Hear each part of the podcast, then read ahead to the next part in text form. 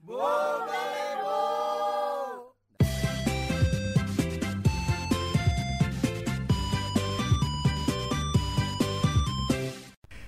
lagi di Klontong Podcast.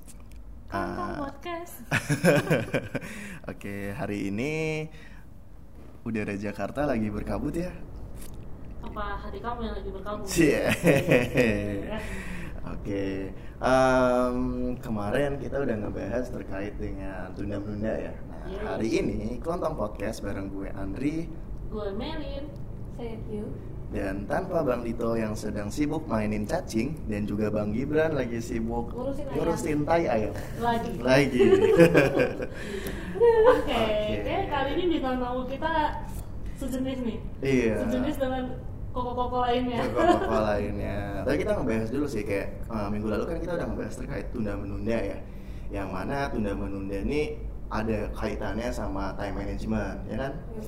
Nah, kita hari ini udah ngedatengin supplier kita yang yang super banget dalam uh, memanage waktunya di tengah kesibukannya. Coba dong kita kenalin. Ayo. Dadet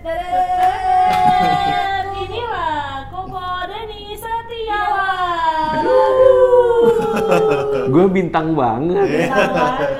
Bintang tamu, Bo. 10 ribu, coy. Wah. Aku di follow yang semua kayaknya kata dia. Instagram terlalu Gue-. Instagramnya bisa di swipe up. Bisa. Bisa, bisa promosi. banget. Ya. Ada ada yang perlu gue ini, gue gue endorse. Baru kali ini kita kedatangan supplier yang followersnya banyak. Apalagi perempuan. Oke, coba dong kita Yes. pengen tahu uh, Kak Denny, Ko, Ko Denny, kita kenalan dulu dong Ko. Apa kabar Ko? Halo, baik. Kok lemes ya? Gak boleh lemes ya di podcast. Kebanyakan makan asap gue. Iya, sama apa ngerasain macet di tengah Ngerasain. kota. Wow. Iya. Ko, lagi Hmm. sibuk apa sih sekarang-sekarang Ko? Aduh, sibuk apa ya? Banyak soalnya. sibuk sekarang, yang pasti kan emang gue arsitek. Jadi buat pendengar, ingat-ingat ya kalau misalnya mau bangun rumah. Oke, jalan dulu. Jualan dulu tetap. Penting ya. Iya. Penting ya. Itu yang pertama, yang kedua eh, tetap ngajar. Jadi mahasiswa-mahasiswa gue yang lagi dengerin tolong. Ini masalah time management, Bo. Penting gue ngomong di sini. Coba, Tepat dong. Emang jiwa ininya dagangnya Iya. tinggi. Dagangnya ya, iya tinggi. kan? Coba Iya. mahasiswanya dengerin kalau nggak dapat E nih. di salah satu universitas di Jakarta lah ya nggak perlu disebut namanya kan terus Oke. eh, itu yang kedua yang ketiga eh, lagi dikasih amanah ceritanya untuk bantu ngelayanin eh, arsitek seluruh Indonesia Uh, gila ya. Saya sebagai arsitek merasa. Berarti Melin sekretaris eh, Melin arsitek ya? Wih. Arsitek, Melin. saya saat ini jadi sekretaris salah satu sekretaris di Ikatan Arsitek Indonesia. Uh, oke, kok bisa masukin nama aku kan jadi anggota IAI? Gak bisa. Gak Main bisa. dalam, main dalam. Terkecuali Titik-titik-titik. Sibuk Jadi, banget ya. Ya begitu. Kadang-kadang kalau misalnya dipikirin ya Kayak mampu gak ya Semuanya bisa ke handle gak ya? Tapi ya Jalanin aja dulu. Jalanin aja dulu Kayak kenal ya tagline. Jalanin aja dulu Bukan mulai aja dulu. Oh, bukan ya. Oke, sibuk banget ya kode ini ya. Kayak dari satu ke satu ke satu kayak berbagai aktivitasnya. Nah ini bener banget berarti suppliernya sesuai dengan masalah yang kita miliki. Emang punya masalah? Wah. Emang punya masalah? Sejauhnya kita nggak ngerasa ada masalah sih Iya hidup sih. kita santai-santai aja. Selalu aja kita apa jalanin aja Pas udah di tengah jalan, gue, Iya. kok gue gini-gini amat ya hidup gue yang gak Kok berguna gue banget. Jalanin aja Kok gue ngelakuin ini gitu ya tiba-tiba. Tema, eh, tagline kita, bertindak besar, berpikir kemudian. Iya benar. Luar biasa Perlu diikuti Jangan, jangan. perlu diikuti. Oke. Oke, mahasiswa tolong jangan ditiru. Kok biasanya gimana sih kok eh, dalam tadi kegiatan kode ini banyak banget tuh ya. Terus gimana sih biasanya kode ini eh, punya gak sih masalah terkait time management sebelumnya gitu kok? Bisa nggak Hmm. cerita-cerita ke kita? gue tuh kalau gue inget-inget ya dulu gue tuh anak yang cupu waktu SMA, S- SD, SMP, SMA tuh gue paling duduk paling belakang biasanya. Terus eh, PR tuh ngerjain kalau pagi. Jadi teman-teman gue biasanya baik gitu ya, ya biar buat fakir miskin gitu ya, pagi-pagi tuh dibuka gitu. Dan gue termasuk kayak fakir miskin itu. Makanya gue datang nggak pernah telat tuh pagi-pagi. Tujuannya apa? Tujuannya kalau misalnya telat gue nggak bisa nyalin PR. Ngerti kan? Jadi emang nggak boleh telat di situ. Ya, kalau telat ya lu nggak ada kebagian makan lah gitu ya. Itu PR makanan dari teman-teman gue. Terus eh, ya pokoknya hidupnya begajulan lah ya di duduk paling belakang, kasus paling banyak gitu kan. Dulu gue masih inget eh, di sekolah tuh punya buku kasus gitu ya. Eh, gue peringkat buku sendiri? da- dari seratusan dari seratusan murid gue peringkat ke sembilan bo. Oh, Luar biasa kan? Wow. Pencapaian Orang kan nggak pernah. nggak pernah dan gue ngerasa bangga nggak ya gue gitu jadi gue mikir ya tiba-tiba eh, masuk ke kehidupan kampus yang lebih bebas lagi kan? Lu sebagai mahasiswa lebih bebas dong. Iya. nggak ada guru yang ngejar-ngejar gitu kan? Nggak ada. Nah eh, sampai ya lu harus berpikir mau nggak mau ya tanggung jawab lu sendiri kan? Hmm. ya kan? Sebelum sebelum itu cita-cita gue waktu SD itu pilot bu Wow. Oh iya. lu tahu kan I know, I Pokoknya kalau lu uh, lama follow gue, uh, Asik. harus follow. tolong ya, tolong ya, at, Den, at mr Denny Setiawan tolong Oke. di follow. kalau lu follow gue, uh, story gue ya sekitar 30-40% selain arsitektur ya, itu tentang pesawat. Jadi gue tahu gue naik pesawat jenis apa, mesinnya apa, pernah kecelakaan atau enggak, ya gue tahu semua itu. Wow. Dan dan eh, kode ini ngoleksi eh, semua miniatur diecast pesawat. miniatur pesawat. Jadi uh, ya terutama yang lokal. Nah emang cita-cita gue pilot. Terus gue mikir ya waktu pada saat uh, emang satu kan emang gue nggak terlalu concern banget dulu. Walaupun gue nggak bego-bego banget. Jadi gue masih 10 besar sih peringkat, peringkat gue. Cuma Maaf maaf ya, maaf ya, agak sombong sedikit ya. Ya. Sih ini. Cuma cuma gue mikir uh, disuruh apa namanya jaga gigi deh. Jangan makan sembarangan apa segala macam. Ah udahlah besok-besok aja. Suruh jaga mata. Iya. Kan uh, baca komik Oh. dulu kan, terus udah gitu nonton TV apa segala macam deket-deket. Nanti matanya rusak loh, nggak bisa jadi pilot loh. Ah, nanti aja urusannya. Olahraga supaya tinggi kan. Iya. Pilot kan mesti tinggi kan? Hmm. Terus udah gitu, ah ntar aja lah. And, end up pas SMA, gue baru sadar, ya udah emang mimpi gue harus terkubur karena ya semua yang harus gue lakukan di awal Mm-mm. ketunda gitu loh. Iya. Ketunda dan akhirnya gue harus membuat keputusan yang benar-benar berubah eh, dari oke gue nggak bisa jadi pilot sekarang apa yang bisa gue lakukan supaya gue tetap bisa jalan-jalan Hmm. akhirnya masuklah jurusan arsitektur kan. Gitu. Jadi ah ya. Gimana? begitu ya akhirnya begitu masuk baru gue sadar ternyata ada sekian banyak waktu yang gue buang yang harusnya gue melakukan sesuatu yang imbasnya baru gue rasakan setelah masa yang sekarang gitu kan. Dan itu benar-benar perubahan drastis tuh dulu waktu mulai masuk jadi mahasiswa ngelihat tanggung jawab yang oke gue kalau misalnya kagak ngumpulin tugas berarti kan ya nggak ada yang bisa nolongin gue cuma gue sendiri gitu. Beda, jadi beda iya environment beda dulu. environment. Jadi itu baru mulai ngerasa bahwa hidup lu ya tanggung jawab lu nggak bisa ada yang ngewakilin lagi. Makanya udah ya nggak bisa nunda. Berarti, wow. Gue langsung lagi mikir dulu gue ada gak sih kayak gini? Sadarnya cepet ya. lu mahasiswa ngapain? Eh bo tahu nggak? Gue tuh baru sadar setelah gue dijebak jadi eh, apa namanya gue tuh pokoknya dalam semasa hidup gue sampai gue kuliah semester 3 itu nggak ada deh itu namanya jadi osis. Wah kayak gitu-gitu tuh gue nggak pernah ter, ter apa terbesit dalam otak gue. Gue anak yang duduk di belakang, pokoknya ya ya penting da- main, baca komik, eh, dapat eh, contekan gitu ya. Aman. Itu aman. Hidup gue berlangsung sampai semest. Oke. Tapi kalau ulangan gue bisa, Bo. Makanya gue 10 besar. Marah. Nah, Merendah lagi. ulangan ya. Ulangan masih inget ulangan?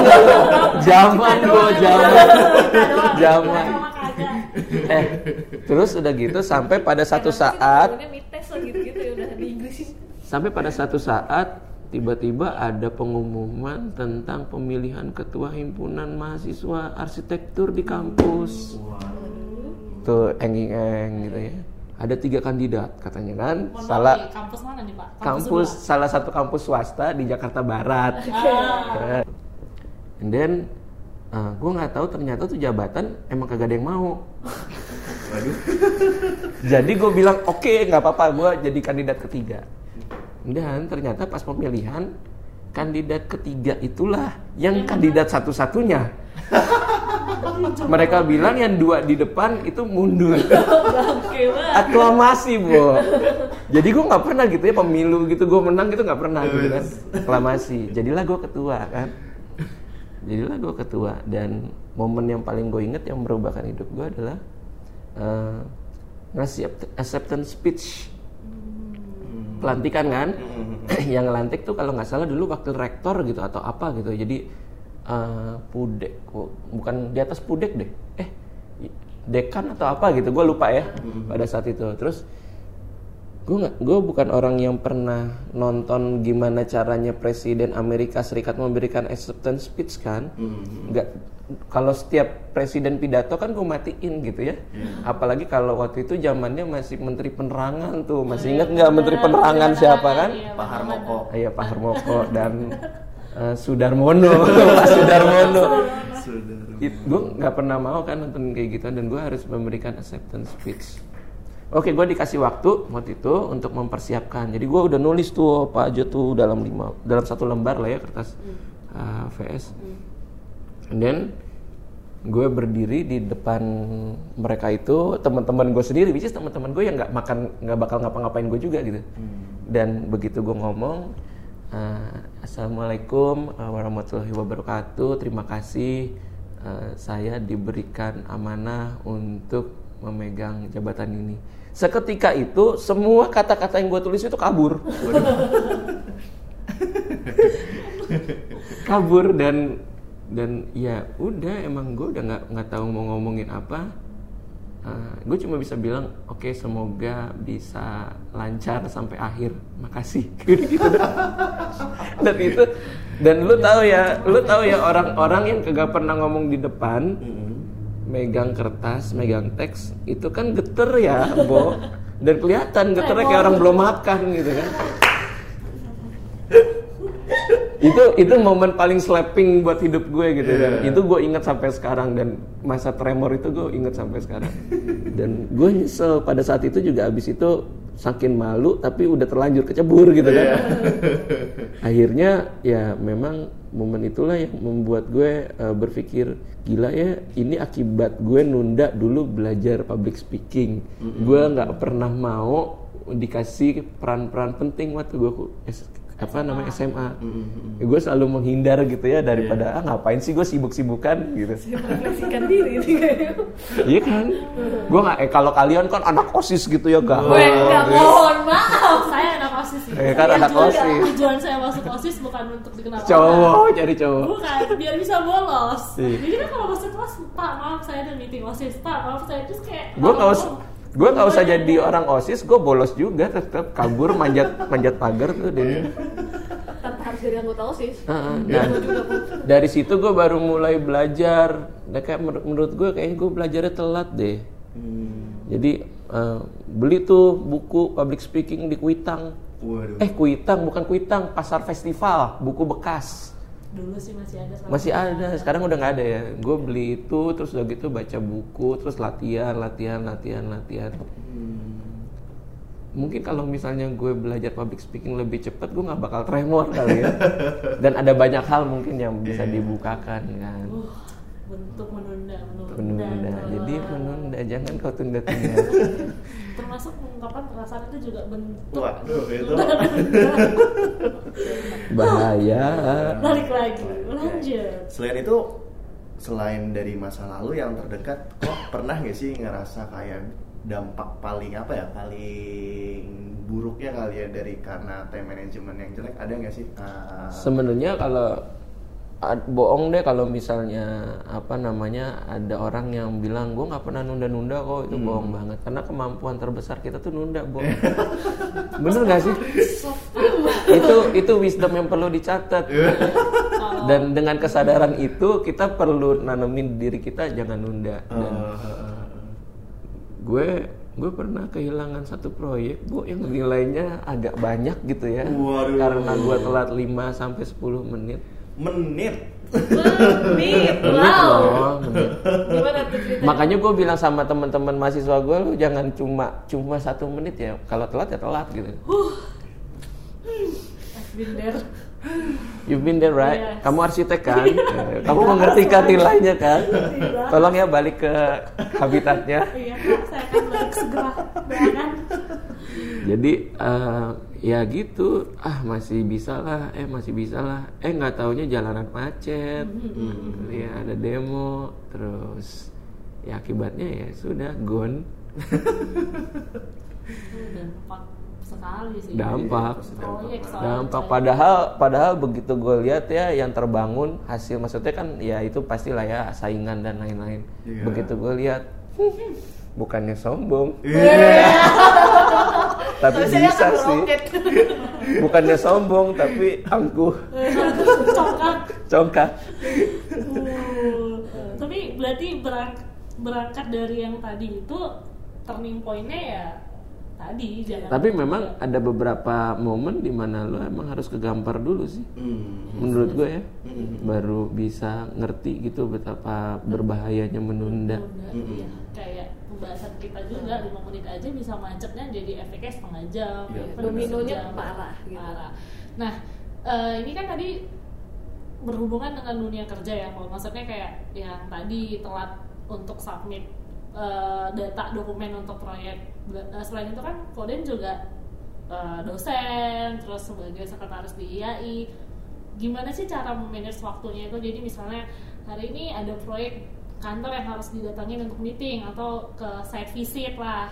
Belum lagi nanti jadwal di kampus untuk eh, asisten mahasiswa yang mau TA atau yang asisten si tugas lain kayak studio perancangan. Ih, masih ingat aing. Gitu-gitu. Sedap. terus ya. Mahasiswa arsitektur ya dulu ya. Iya. bahas terus. Nah belum lagi harus ngurusin terkait IAI ya kan juga sering ngadain event kan sayembara atau diskusi arsitektur. Nah itu gimana sih memanage waktu itu? Waktunya sampai bisa semuanya berjalan dengan baik. Dan memanage punya waktu bersosialisasi mungkin. yes yes. Kalau kalau bicara time management kan kita nggak pernah lari ada satu kata penting yang jangan pernah lupa namanya priority. Ya kan, when everything is priority, then there is no priority kan? yes Kalau semuanya prioritas nggak ada yang prioritas kan? Iya. Iya kan? Jadi em, gue mikir sih memang gue harus mau nggak mau netepin eh, apa namanya yang jadi prioritas prioritas utama. Hmm. Mikirnya gini deh, eh, lu punya eh, mangkok atau akuarium lah ya, mangkok lah ya, mangkok gitu kan. Terus kalau lu taruh kerikilnya duluan, kerikil gitu ya, apa kelereng atau gundu. Lu masih main gundu nggak? Lu masih inget gundu gak, Masih Bo? masih yang bentuknya kayak planet juga masih Ketahuan Iya, pendengar tolong di abaikan ya. Gundu-gundu pacul. Gini. Lanjut. Eh, tiga Bo, kali loh. Bo, sayangnya ini tuh podcast ya, jadi gue nggak bisa ini ya. Tapi kalau misalnya kita masukin barang-barang yang kecil duluan, ada kemungkinan yang gede yang jadi katanya prioritas kita tuh nggak masuk. Ngerti nggak? Iya. Uh, ini Lo ngerti nggak? Jadi menurut gue dan gue udah bilang sama apa namanya lingkungan di sekitar gue, oke prioritas gue satu dua tiga, masukin yang gede dulu. Even even tiga itu tadi eh, apa namanya gue jadi arsitek dengan klien-klien gue eh, ngajar dan IAI pun itu ada kadar prioritas yang berbeda gitu. Jadi sekarang posisinya jadwal gue ya diatur dari itu gitu. Eh, prioritas dulu, abis itu baru kerikilnya. Gitu. Jadi eh, kadang-kadang ada gini. eh, gue udah bilang sama kampus ya, eh, dan kampus sudah tahu bahwa sebenarnya prioritas gue lebih ke kantor gue dibanding ngajar. Hmm. gitu jadi eh, dan gue bisa dengan mudah untuk memilih gitu ya antara acara kampus Hmm. yang which is bukan rutinitas tanggung jawab gue ya Hmm.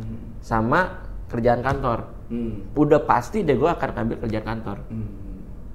dan gue nggak mau dikasih jam ngajar yang lebih tinggi daripada apa yang eh, Kapasitas. kapasitas gue Kan tadi uh, Kode ini bisa bilang ke kampus bahwa prioritas gue itu lebih utama adalah kerjaan. Hmm. Gi- Gimana sih caranya kita bisa menyampaikan dengan baik uh, untuk apa ya ngasih tahu kayak gue ini punya prioritas yang ini tanpa orang yang dikasih tahunya tuh merasa apa ya? uh, kan eh, atas gue nggak tahu ya tapi kan ketika kita ngelamar kerjaan katakanlah Hmm. eh, pasti kan lo akan ngasih profile dong Iya. Nah itu kesempatan profile itu sebenarnya kesempatan untuk kita ngomong kita tuh mau jadi apa sih Oh, oke. visi kita ke depan tuh apa sih kan setiap kita punya personal vision dong Hmm. ya kecuali kita peres ya mau dapetin banget tuh kerjaan gitu ya sampai oke prioritas saya adalah bapak gitu. Kecuali kita peres. Tapi kan kalau misalnya kita bicara tentang eh, apa namanya tujuan visi dan lain-lain ya gue selalu bilang gue pengen jadi arsitek yang punya karya yang bisa apa namanya eh, bermanfaat buat lingkungan sekitar sekaligus mengajar. Iya kan? Iya, Berarti prioritas gue ya bikin karya dulu baru ngajar kan? Ah, oke. Nah, iya kan? Iya, benar. Nah, dari situ si head departemen gue kan baca Mm-mm. dan dia udah harusnya tahu gitu bahwa emang prioritas gue utama ya itu dulu, baru yang lain gitu. Oh, Oke. Tapi kok cara eh, cara apa ya? Stick to the stick to the apa ya? Jadwalnya Koko tuh gimana? Maksudnya kayak ngebentuk habitnya dulu gimana? Kan dulu katanya turning point-nya adalah menyadari bahwa apa eh, Gue gue salah bercita-cita, Kyo. Heeh. Jadi gue tuh dulu pernah berpikir ya, eh, ih keren ya orang punya hand pocket eh, schedule. Lu tahu nggak sih yang dulu tuh yang di, Oh, ada clip onnya Iya, itu, yang iya, buku iya. itu. Terus udah gitu mereka nulis-nulis jadwal gitu. Oke. Dua-dua bertiga. Lu kan zamannya udah gadget ya. Gue dulu Saya masih. emang gak pernah punya catatan aja. Terus gue mikir gila ya keren banget gitu ya dari gitu eh, setiap setiap apa namanya setiap jam Heeh. gue harus meeting ini meeting itu meeting ini dan gue berpikir itu tuh keren Iya.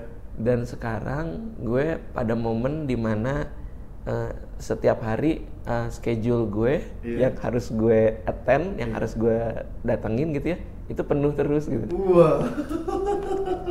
dan gue pusing sendiri kan emang itu salah bercita-cita jadi hati-hati dengan Cita-cita. dengan cita-cita lo gitu cita-cita gue gak kayak gitu sih. Jadwal kita masuk ke ini berarti buku. Wow, tersanjung aku. ya. jadi eh, ya itu sih tapi kan memang sekarang udah harus mulai berani oke bilang maaf ya boleh nggak bulan depan gitu Ah, oke. Bisa bilang tidak. bisa Jangan jadi iya iya dong karena eh, masalahnya kan yang tahu mau jadi apa lu lu sendiri Yes. Hmm. Sekali.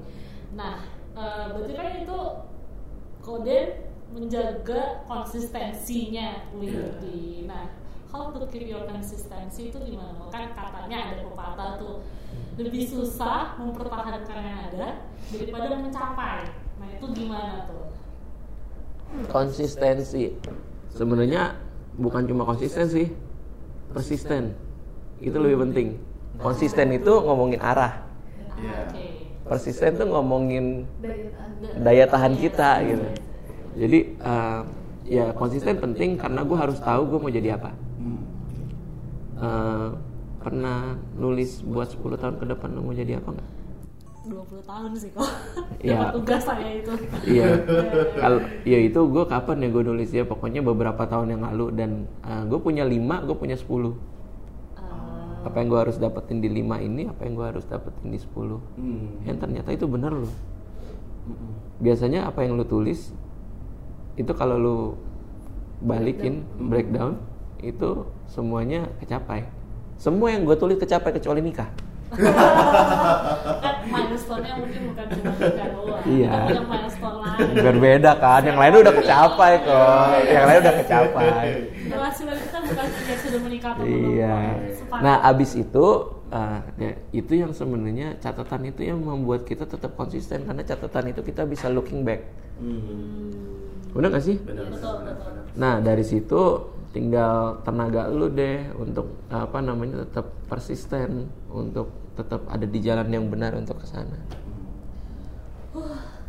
ini ada hubungannya sih maksudnya persisten dan time management itu memang dua hal yang nggak bisa lepas lepas jadi emang harus dua-duanya itu tetap dijaga dengan baik Uh. Gimana nih? Tapi apa yang membuat Koden nggak slacking dari persisten itu? Apa yang menjaga kadarnya Koden biar persistennya itu tetap sama gitu? Lingkungan. Lingkungan tuh penting loh. Gue bukannya milih temen, tapi gue belajar bahwa orang-orang di sekeliling kita itu yang kemungkinan membelokkan atau meluruskan jalannya kita. Makanya kenapa sih gue tiba-tiba bisa jadi semangat banget jadi arsitek? Hmm. Karena so far orang-orang di surrounding gue adalah arsitek. Hmm. And then ketika apa namanya ketika gue ngelihat bahwa oke ternyata arsitek hidupnya begitu dan apa yang mereka suka Hmm. eh, ada beberapa yang emang gue suka walaupun ada beberapa nggak semuanya gitu ya Iya. yang gue suka tapi eh, ketika gue ngelihat si A berprestasi kayak begitu gue juga jadi kepengen gitu nah jadi kalau misalnya lu punya tujuan eh, tujuannya apa Hmm. coba deh cari komunitas atau orang-orang di sekitar yang kira-kira akan ngarahin lu ke sana Gak baik dong pertemanan kita.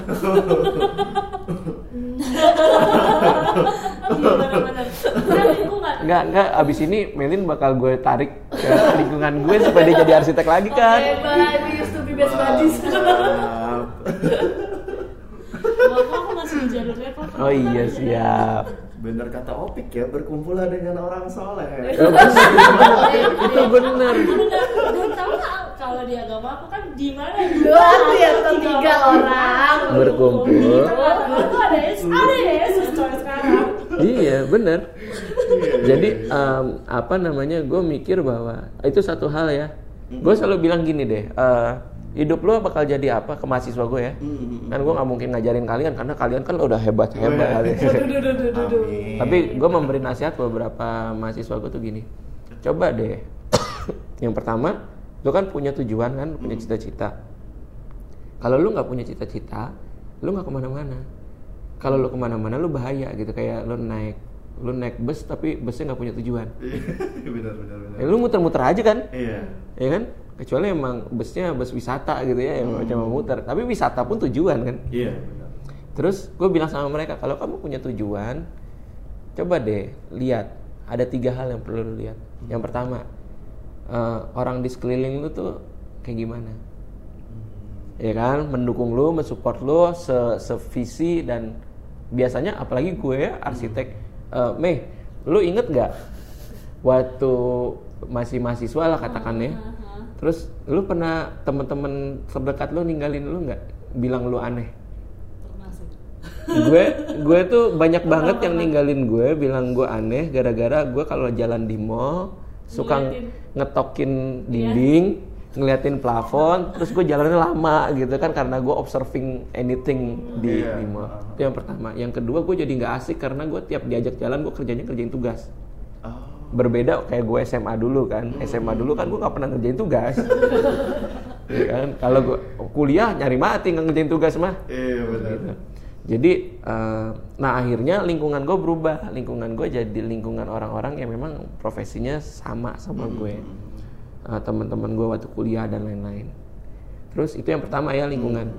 Yang kedua buku apa yang lu baca? hmm benar itu sepakat sih Buku apa yang lu baca? Karena itu yang akan menentukan eh, apa namanya Gambaran. gambaran hidup lu. Dan gue punya beberapa buku arsitek yang gue pikir sampai sekarang gue masih ingat gara-gara gue baca buku ini nih. Jadi Hmm. nggak cuma buku arsitektur doang sih hidup gue ada beberapa buku yang lain lah Eh, yang terakhir Hmm. ini kadang-kadang orang pikir nggak penting tapi buat gue ini penting idola bo kalau id- idola bo kalau lu ngidolain eh, artis K-pop Iya. Mungkin ya bisa jadi loh. Lu bisa jadi artis walaupun bukan K-pop. Popers. gitu jadi gue pikirnya kita harus menentukan siapa sih orang yang kita panggil sebagai guru. Guru bukan cuma jabatan guru tapi orang yang kita look up to kan? Mm-mm, bener. yang pertama.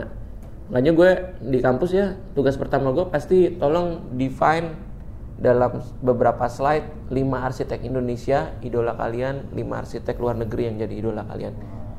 This is the place that you look up to gitu. Kalau misalnya lu nggak sekali lagi lu nggak punya tujuan dan lu ke mana jauh nggak usah ke mana-mana malah bahaya kan? Mm, bener, bener, bener. Gitu. jadi gue mikir kalau kita bisa sadar tujuan kita ke mana otomatis kita akan persisten tuh. Mm, nggak belok. Betul betul. Kan yang bikin belok kan eh nih yang bikin belok itu kan kalau temen lu ngajakin ke salah satu tempat yang lu suka sementara lu harus ngerjain tugas kan belok tuh biasanya tuh mm. Yes. atau Iya sih. atau di saat-saat penting eh, apa namanya komik eh, gue nggak tahu komik anak sekarang tuh apa gitu ya oh, nggak usah komik deh Eh, PUBG Wah ya.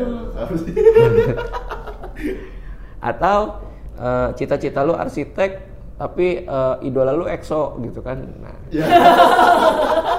gitu Ndri Loh, saya nggak suka EXO. Bu. Ah, SNSD ya bukan nggak boleh loh bukan nggak boleh. tapi kita punya role model. Ya oh dong. Tapi bener sih ya pengalaman gue juga gitu sih. Maksudnya kayak dulu di kampus saya kan Depok ya terserah menang- menganggapnya itu UI atau apa tapi Depok.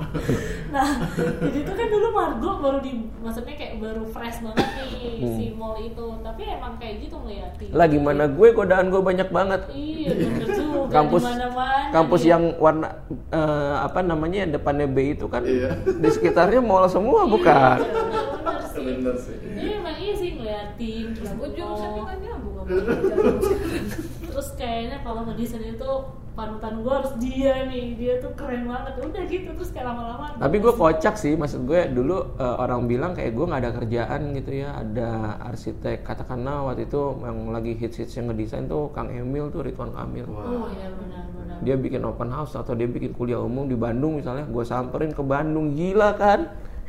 Gue nyamperin ke kampus nah terus tadi apa? Harus fokus kan? Nah berarti ya kadang kita manusia melupakan yang udah kita bikin tuh tau melenceng di tengah jalan gitu. Hah, menarik banget nih pembahasannya. Saya sebagai anak-anak yang procrastinator ini merasa tertampar gitu sih. Eh gue nggak nampar loh. Ada Om- omongannya tapi menusuk. Gua nggak nampar. Menusuk untuk dia. nampar tapi menusuk. Eh Bo tapi eh, lu sadar nggak sih em, kalau lu ngomong sama orang omongan lu tuh balik ke lu iya nggak bener. Jadi gue tuh punya kalian tuh membuat gue punya tanggung jawab yang lebih besar gara-gara podcast ini. I should do what I said ya Iya, I should do what I said. Kalau enggak kan para pendengar, para pemirsa dan para follower, tepu-tepu pelanggan budiman Lagan Budiman bakal ngecek kan. Iya benar-benar. Oke, jadi inti pembicaraan kita ini sebenarnya banyak banget coy, menarik banget. Iya. terkait tentang time management itu ya intinya kita memang harus persisten dengan apa yang udah kita buat. Terus priority Iya, priority. priority pun harus dilihat juga nih. Priority Hmm. mana nih? Bener-bener yang priority ya. Kalau semuanya priority ya jadi nggak ada yang prioritasnya kan. Tapi yang paling pertama tentukan dulu tujuan Tujuan mau apa. breakdown ke bawah tentukan Tentukan prioritas.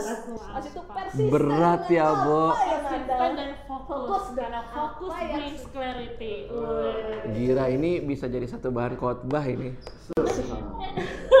iya juga banget tapi menarik sih maksudnya ya persisten dan fokus ini karena kalau kita nggak fokus ya ya tadi itu udah ber- berada kan mencapai sesuatu itu gampang kan? Mm-mm. saat kita udah di dalam titik yang kita pengen itu ya untuk mempertahankan yang itu yang susah. Nah itu balik tadi yang persisten itu. Intinya sebenarnya adalah persisten dan fokus saudara-saudara seiman. Tuh. gitu intinya. Kita harus persisten dan fokus untuk apa yang kita kan.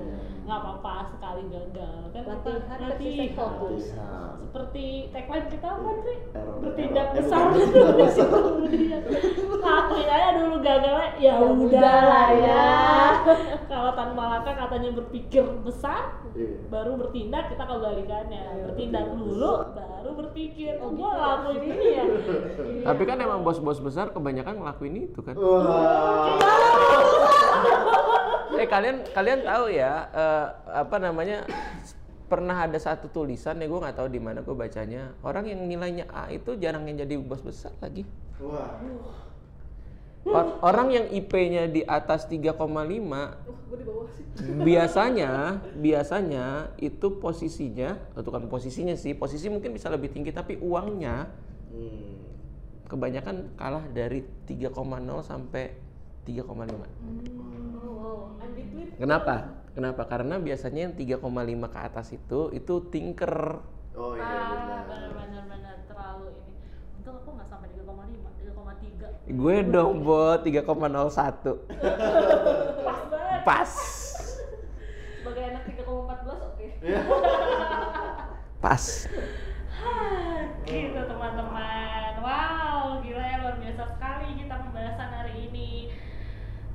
Tadi Kuliah dong jadinya kita ya. dosen Bapak dosen. Bapak, bapak dosen dosen muda dosen muda Dosen muda. yang Eranya mainannya binder ya? Iya or- Organizer. Mohon maaf beda beberapa tahun dengan saya, jadi Gundu. saya merasakan kata-kata ulangan, Ulangan. organizer, gundu Mungkin saya mengalami. dulu masih app tanas mungkin. emang gue masih Eptanas belum ada itu UN UN belum ada emang Eptanas. Eptanas itu monster yang paling menakutkan.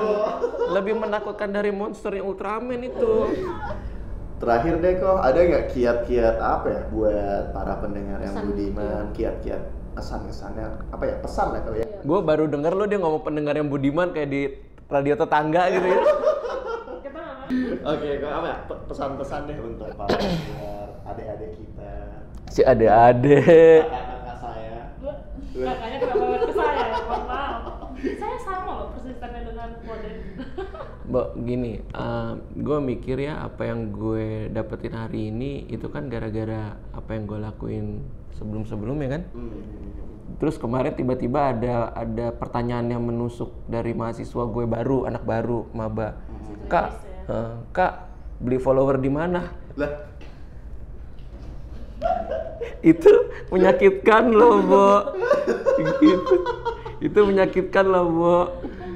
Dan gue ngerasa, eh, oke pertanyaan itu sama seperti em, kok bisa ya lu bisa dapetin follower segitu padahal gue juga nggak berusaha untuk dapetin follower segitu banyak juga kan kenapa juga teman-teman gue mau follow gitu kan Iya, iya. siapalah ulun ini kalau bahasa Banjar gitu kan nah gue jadi hari ini gara-gara gue ngerjain beberapa proyek kemarin gue ngerjain beberapa proyek kemarin karena gue menang be- nggak menang sih ya pokoknya jadi finalis beberapa sayembara gue bisa jadi finalis beberapa sayembara karena gue belajar dari beberapa orang gue belajar dari beberapa orang gara-gara gue baca beberapa buku hmm. jadi kan kalau misalnya lu ngelihat lu hari ini kan lu flashback ke yang lalu kan iya benar.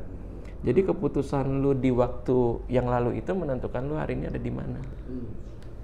Sama kayak lu bakal jadi apa di depan tergantung keputusan yang lu ambil hari ini. Hari ini benar. Jadi tomorrow itu dimulainya dari today. Today. Tomorrow starts today. Itu jadi pelajaran untuk today. Iya. Today kemungkinan Jadi jadi jangan pernah khawatir tentang apa yang akan jadi lu di masa depan selagi lu bisa ngawasin hari ini lu hidupnya bener. Oh benar Benar. Iya nggak? Iya benar benar. Iya kan? Kayak pepatah apa yang bisa lakuin hari ini ya hari ini. gue tuh gue tuh selalu gini uh, apa namanya aduh ada orang yang doa supaya anaknya cepet gede Hmm. cepet gede mah nggak usah didoain dia gede sendiri Iya. gue lagi punya ponakan kan bo gue berharap dia kagak gede-gede bo karena lagi lucu-lucunya Iya. gitu kan kalau gede atau bertumbuh atau dia apa namanya growing up membesar gitu ya tinggal dikasih makan pasti gede. Yang masalah kan dia dikasih makan apa aja hari ini? Iya benar. gizinya cukup apa enggak? Itu yang kan kita perlu khawatirkan kan? Nah selama kita setiap hari ngasih makan dia eh, yang bergizi yang cukup yang sehat gitu otomatis ya aku yakin dia bakal jadi orang hebat lah Hmm. nantinya nah ada orang yang terlalu khawatir tentang sesuatu yang sebenarnya nggak perlu dikhawatirin Hmm.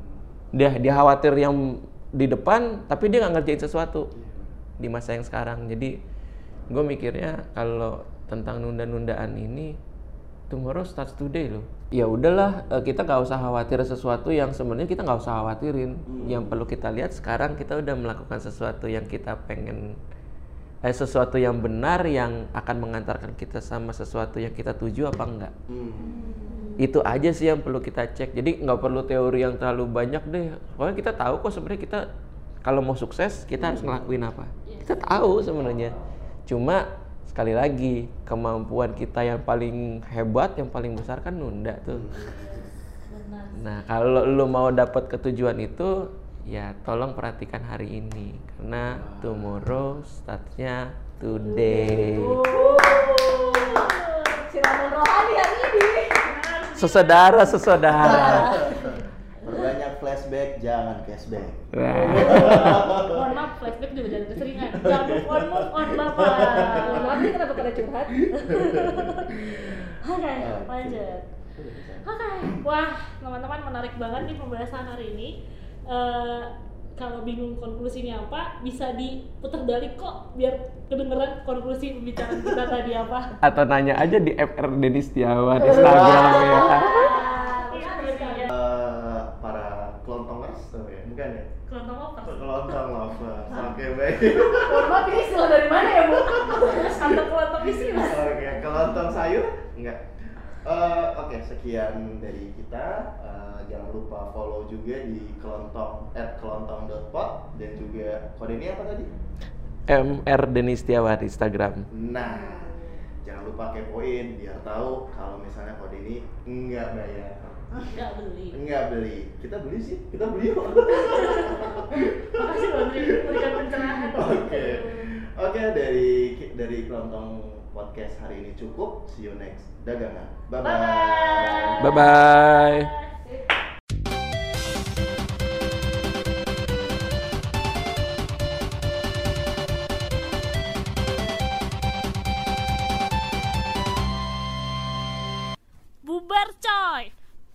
Dah, beli kagak nongkrong iye. Jangan lupa cek bacotan kita berikutnya ye.